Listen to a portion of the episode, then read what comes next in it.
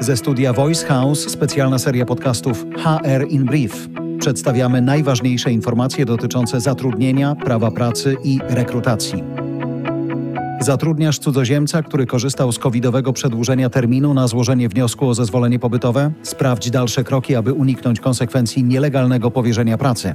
31 lipca skończy się okres ważności zezwoleń legalizujących pobyt. Konieczność zweryfikowania legalności pobytu zatrudnionych cudzoziemców oraz ewentualnego złożenia odpowiednich wniosków o legalizację ich dalszego pobytu będzie leżała po stronie pracodawców. Legalność pobytu dotyczy osób, które przebywają na terenie Polski na podstawie m.in. karty pobytu, wizy krajowej, zezwolenia na pobyt czasowy, wizy Schengen czy też ruchu bezwizowego.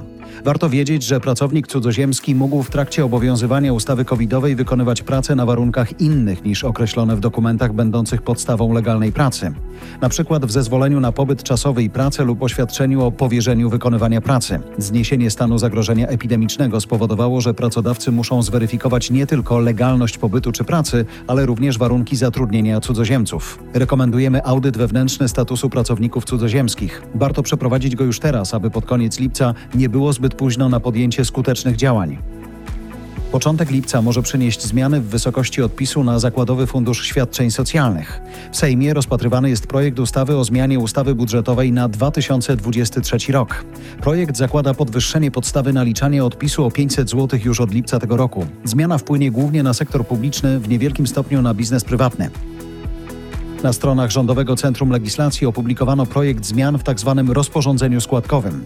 Projekt przewiduje m.in. podwyższenie wyłączenia z podstawy wymiaru składek na ubezpieczenia emerytalne i rentowe wartości finansowanych przez pracodawcę posiłków do kwoty 450 zł. Posiłki są udostępniane pracownikom do spożycia bez prawa do ekwiwalentu z tego tytułu.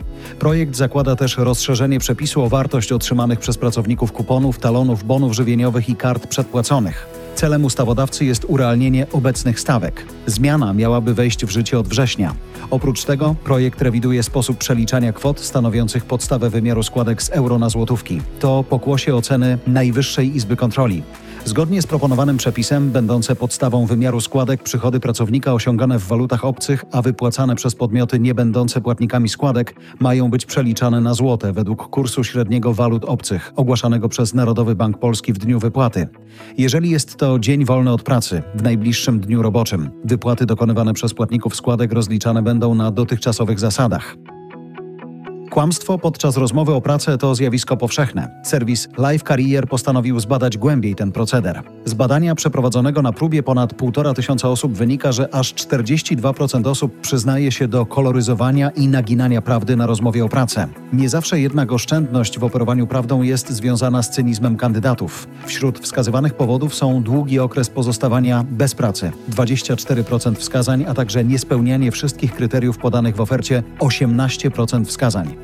17% badanych kłamało ze względu na stres towarzyszący rozmowie kwalifikacyjnej, ale ponad 18% osób byłoby skłonnych zrezygnować z uciekania się do kłamstwa podczas rekrutacji, gdyby spotkanie przebiegało w dobrej atmosferze. Wynika stąd, że postawa rekruterów ma wpływ na szczerość kandydatów. Dobra relacja podczas rozmowy kwalifikacyjnej pomaga opanować stres i stanowi pomost do zbudowania więzi z potencjalnym przyszłym pracownikiem. Mężczyźni wykazują większe skłonności do naciągania informacji i operowania kłamstwem podczas rekrutacji. Przyznało się do tego 49% mężczyzn wobec 36% kobiet. Mężczyźni zwykle wyolbrzymiają zakres wykonywanych przez siebie obowiązków, koloryzują i podkręcają zakres swojego wykształcenia. Wykazują też skłonności do przypisywania sobie cudzych sukcesów zawodowych. Kobiety przejawiają większe skłonności do udawania entuzjazmu wobec oferty, ale też, niestety, mają większe inklinacje do zaniżania swoich oczekiwań finansowych, by pracę otrzymać. Wśród branż, w których pracownicy przyznali się do kłamstwa podczas rozmów o pracę prym wiodą gastronomia ponad 63% badanych oraz w równym stopniu administracja państwowa i biznes po 53%.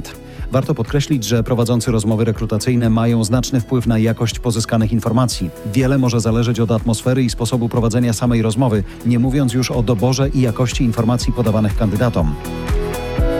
Materiał został przygotowany przez Monikę Smulewicz z zespołem HR na szpilkach oraz redakcję Voice House. Do nagrania użyliśmy sztucznej inteligencji wykorzystującej głos Jarosława Kuźniara.